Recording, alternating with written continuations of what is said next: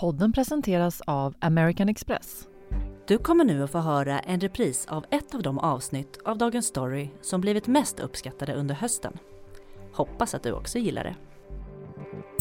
Alla ledande Europabörser stängde idag på minus. Hongkongbörsen rasade med mer än 4 tyngd av det kinesiska fastighetsbolaget Evergrande.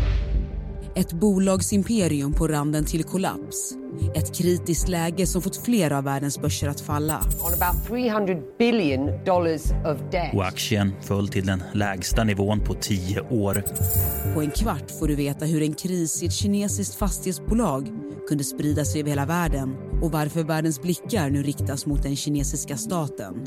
Man vet inte riktigt var skulderna finns. The company is so big that some say the fallout could have ripple effects beyond China.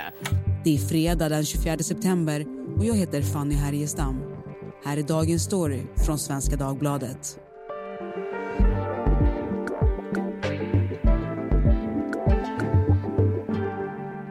Joel Dahlberg, du är reporter här på Svenska Dagbladet på Näringsliv. Du har skrivit om det här ämnet. Du har ju sagt till mig du är inte är rädd för ekonomi och siffror. Men idag ska vi prata här om ett företag som har skakat hela världen mer eller mindre de senaste dagarna. Är inte det lite läskigt, eller? Jo, absolut. Lite läskigt är det. Och det ser man ju bara på att vi pratar om det här ett bolag i Kina som ingen visste vad det var för tre veckor sedan. Sen får man ju se hur läskigt det blir. Börserna har reagerat lite grann, även i Sverige, på det här skeendet i Kina. Men som sagt, vi får se hur läskigt det blir. Och världens börser har ju alltså backat nu under veckan på grund av enda företag i svårigheter. Alltså hur är det här möjligt? Det är ett jäkla stort företag, det är därför. Och det är Kina, världens näst största ekonomi, som, som det handlar om. Det som har hänt är att det här bolaget Evergrande, som det heter, en gigantisk eh, koncern som äger mycket fastigheter men också bygger väldigt mycket bostäder. Och när de gör det så köper de upp mark lånar pengar för detta och ska då sen sälja de här projekten med vinst. Och så kan de betala tillbaka sina lån. Men kalkylen bygger ju då på att, att priserna går upp. Att man köper land, bygger och sen så säljer man vinst och kan betala tillbaka lånen. Det som har hänt nu är att priserna stiger inte så som man hade trott och hoppats och då får man problem. Now, China's economy is continuing its upward curve. Welcome to the city of Ordos, a city of the future. Brand new and built in just five years and meant for 1 million residents. Med över tusen bostadsprojekt i hundratals städer runt om i Kina är Evergrande landets näst största fastighetsutvecklare och ett välkänt företag där som har fler anställda än vad som finns boende i hela Uppsala stad och tiotusentals investerare. Bolaget ägs till största del av fastighetsmagnaten Hui Kaiyan som grundade verksamheten 1996. Sedan dess har Kinas snabba ekonomiska utveckling gett en långvarig byggboom som gagnat Evergrande och gjort att de kunnat expandera aggressivt. Omsättningen tiofaldigades under det förra decenniet. Men nu är det alltså kris. Aktien har rasat med 85% bara i år och skulderna har skjutit i höjden. Och vi, vi pratar ju nu alltså om det fastighetsbolag som är liksom det mest skuldsatta i världen just nu. Om vi kollar mer specifikt på problemen för Evergrande. Vad är de här problemen? Vad är det för skulder vi pratar om? Du som gillar siffror, Joel. Ja, det som nämns, och det är officiella siffror från bolaget, är ju 300 miljarder dollar. Alltså eh, 2600 ungefär miljarder kronor enormt mycket pengar. Då talar man om, om, så kallade åtaganden och det betyder ju då både rena skulder men också att man är skyldig pengar till underentreprenörer som har gjort jobb till bolaget. Man eh, har också åtaganden i form att man ska avsluta byggprojekt och så vidare. Att man har tagit betalt till exempel ifrån en bostadsköpare. Du har tagit betalt och ska leverera en färdig lägenhet. Det är också ett åtagande. Så det finns både rena skulder men också åtaganden i form av att man ska avsluta projekt. Kan man jämföra den här siffran med någonting? Sätta den i proportion? Jag tänker för de som inte har koll på Ja, det sägs ju att det motsvarar ungefär Finlands BNP, så det är väldigt mycket pengar. Något annat kan man inte säga. Onekligen. Eh, varför reagerar börserna just nu på det här? Det har ju accelererat. Eh, grunden eh, bland annat då är att, att man i Kina förra året införde nya regler, restriktioner för att hejda liksom expansionen i fastighetsbranschen. Man tyckte att det var för mycket spekulation ifrån statens sida när det gäller bostäder och man ville hejda det här. Och eh, man införde något som kallas för tre röda linjer. Och det här har då påverkat fastighetsmarknaden på det sättet att priserna har eh, slutat stiga på samma sätt som de har gjort.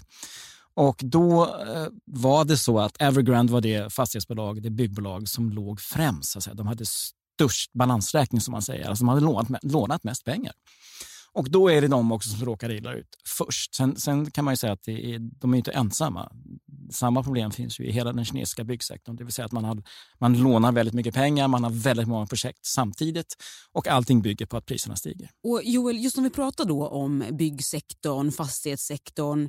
Alltså på vilket sätt är den här branschen speciell och betydelsefull på börsen? En eh, väldigt giftig ingrediens är ju den starka kopplingen mellan fastigheter och banker.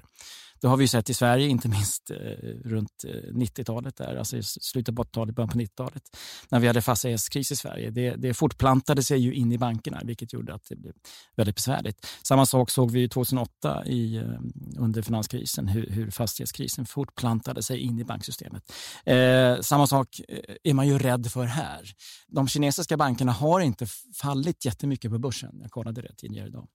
Eh, sen i juli kanske med en, en 10-15 procent. Så det finns ju en oro, men den, den, har ju liksom inte blommat ut ännu. Vilket jag tror beror på att man hoppas och tror att den kinesiska staten så småningom ska gå in och försöka reda ut. Okay, eh, man, man, man, tror inte att man låter Evergrande gå i konkurs helt enkelt. Det skulle få konsekvenser för det kinesiska banksystemet. Men det, det verkar inte som man tror att det kommer att gå så långt ännu. Och krisen i Evergrande nu har ju till och med liknats den vid investmentbanken Lehman Brothers som drabbades av en finansiell mm. kris 2008 och sen mm. gick i konkurs. Alltså låg bakom hela finanskrisen. Ja, men exakt. Eh, Eh, hur rimlig är den här jämförelsen tycker du? Alltså Lehman Brothers var ju en bank. Evergrande är ju inte en bank, det är ett fastighetsföretag. Så att då går man ju kanske händelserna lite grann i förväg, det vill säga att man kanske tror att det här kommer att leda till en, en bankkris i Kina. Det vet vi ju inte ännu. Men det är ju riktigt på så sätt att, att eh, även Lehman-kraschen bottnade ju i fastighetsbranschen. Och det här är ett, en kris för den kinesiska fastighetsbranschen. We're now down 43%. Lehman Brothers, a 158 year old firm, filed for bankruptcy. It was the worst day on Wall Street since the crash of 1987. Det var den 15 september 2008 som den anrika amerikanska investmentbanken Lehman Brothers gick i konkurs. Ett startskott för panik globalt på finansmarknaderna och en världsekonomi som tvärbromsade. Börser störtdök och människor förlorade sina besparingar. Bakom krisen, som startade i USA, fanns en dåligt fungerande amerikansk marknad för bolån. Allt för många som egentligen inte hade råd hade uppmuntrats att ta dyra huslån. När huspriserna föll ledde det i förlängningen till panik. När bankerna blev oroliga över att de inte skulle kunna få tillbaka sina pengar. Systemet frös till is. Men det är ju ännu så länge, de kinesiska bankerna har inte fallit speciellt mycket på börsen, eh, de som är börsnoterade. Så att ännu så verkar det inte som att man bedömer att någon av de stora eh, kinesiska bankerna kommer att gå i konkurs. Eh, utan man tror att, det här, att man kan begränsa den här skadan till kanske Evergrande eller åtminstone den kinesiska fastighetsmarknaden. Nu Joel har vi ju pratat om världens börser och det här stora företaget vars problem skapar svallvågor globalt. Men det kan ju också få väldigt konkreta konsekvenser i vardagen för kineser redan idag. Om vi tänker oss en kinesisk familj som lagt pengar på ett boende som Evergrande står bakom, kanske en lägenhet som håller på att byggas. Alltså hur drabbas de nu, de kinesiska bostadsköparna? Ja, risken är att deras eh, lägenhet inte blir färdig så att de inte har någon lägenhet att flytta in i. Som de har betalat ja, för? Ja, som de har betalat.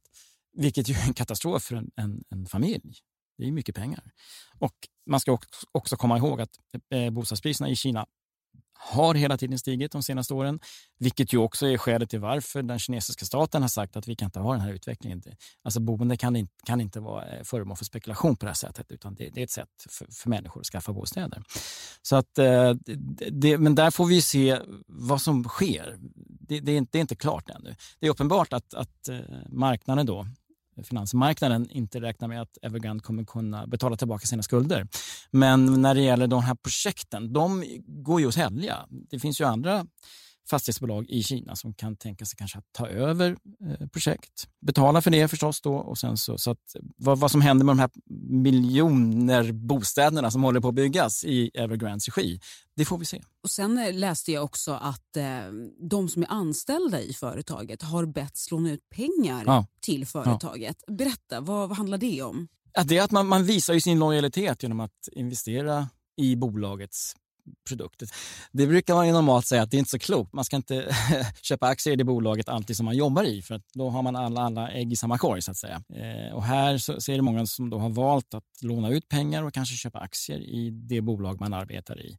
Vilket gör förstås att man blir väldigt beroende av att det bolaget överlever. Sen är det också så att det har varit en enorm byggboom i Kina under många, många år. Så det har ju förmodligen varit svårt för många att tänka sig att det här ska ta slut. Så att det kanske har varit naturligt för en anställd i Evergrande eller andra bolag i Kina att, att man, eh, man har förtroende för sin arbetsgivare och man sätter sina pengar där. Det eh, är klart i dagsläget jättetufft för dem som har både sitt arbete då eh, i Evergrande men också kanske investerat pengar i bolaget. Och precis som du har beskrivit, Evergrande växte ju mycket efter finanskrisen 2008. Kinesiska staten har pumpat in pengar i det här företaget. Och nu om vi, om vi tar det här med myndigheterna, alltså kan inte de bara gå in och hjälpa det här företaget nu? Eller? Ja, där kan man faktiskt dra en parallell till Lehman Brothers. Det var ett sätt för den amerikanska staten att visa att vi kommer inte rädda alla banker alltid. Och så lät man Lehman Brothers gå i konkurs för liksom set an example som man säger. Det där tror jag att man som kinesisk makthavare tänker på nu vilka signaler vill vi sända till den kinesiska fastighetsmarknaden? För Evergrande är ju inte det enda bolaget som har problem. Ska vi, ska vi visa nu att vi är beredda att rädda Evergrande så kommer kanske får vi ytterligare ett antal fastighetsbolag på halsen. Så att, eh, vi, vi håller ut lite grann och ser vad som händer. Det är också så att det pågår ju nu en, en förberedelse för en så kallad res, rekonstruktion, det vill säga att man, man tittar på Evergrande. Okay, vad finns det för tillgångar? Vilka kan vi snabbt sälja för att få in pengar? Vilka kan vi inte sälja? Hur mycket pengar finns det i bolaget? Vad, vad är det för tillgångar? Man säger att det finns skulder på 300 miljarder dollar, 2600 miljarder kronor ungefär. Vad är tillgångarna? Eh, och man förhandlar med eh, fordringsägare förstås, underleverantörer som inte har fått betalt och så förhandlar man. Och liksom, ja, det är det som pågår nu, ett spel. Liksom. Vad, och var landar man? Och till slut så, så, får man se vad som händer. Eh, säkert kommer den kinesiska staten på något sätt att blandas in så småningom. Men man, man, tydligen så vill man avvakta lite grann för att se och visa de andra det inte, ni, ska inte, ni ska inte vara säkra på att vi kommer in och räddar er. Som småsparare här i Sverige, behöver vi oroa oss? Ja, jag Enligt elbilsbolaget Nevs i Trollhättan så är det mycket svårt att veta vad som kommer att hända om det kinesiska moderbolaget går i konkurs. Och vi har ju sett här hur också i Sverige börsen har påverkats av det som händer runt Evergrande. Alltså hur kan vi påverkas här i Sverige? Ja, Kina e-, är ju världens näst största ekonomi så att en finansiell kris i Kina påverkar hela världen. Och om någon av de stora kinesiska bankerna, det är, det är där som den stora risken ligger. Att, att, att ett fastighetsbolag går i konkurs, det kan man ju hantera. Och det, det får inte jättestora efterföljder på den globala finansiella marknaden. Det, det, tror jag inte. Men däremot så om det skulle sprida sig in i banksystemet, då blir det läskigt. För att de kinesiska bankerna är stora. Jag kollade upp den, den eh, näst största kinesiska banken, China Construction Bank, eller något sånt. De har 350 000 anställda och 13 000 kontor i Kina. Alltså, det är stora banker vi pratar om. Så att skulle någonting hända där, då blir det jobbigt. Och Joel, nu framöver då, vad kommer du hålla koll på när det gäller Evergrande? Och jag tänker för våra lyssnare, vad bör man nu hålla koll på framöver för att följa det här? Ja, men det är ju spridningarna in i banksystemet, det kinesiska banksystemet. Eh, det är det tror jag många letar efter. Eh, och något slags signal ifrån den kinesiska staten. Vad, vad gör de? hur tänker de? Vad, vad kan de tänka sig göra? Tack Joel Dahlberg för att du var med i Dagens Story. Tack så mycket. Drömmer du om att resa bort? Med SAS Amex Classic får du just nu ett presentkort på 2 000 kronor till din nästa resa med SAS. Kortet är helt utan medlemsavgift. För att ta del av 2 000 kronor i presentkort behöver satta villkor uppfyllas. SAS Amex Classic har upp till 55 dagars räntefri kredit. Effektiva räntan är 18,10% vid utnyttjad kredit om 95 000 kronor per år. Den totala kostnaden är 110 021 kronor. Vi som gjorde programmet idag var producent Daniel Sävström, redaktör Teresa Stenler von Matern och jag heter Fanny Härgestam. Du har lyssnat på Dagens story från Svenska Dagbladet. Vill du kontakta oss så mejla till dagensstory.svd.se.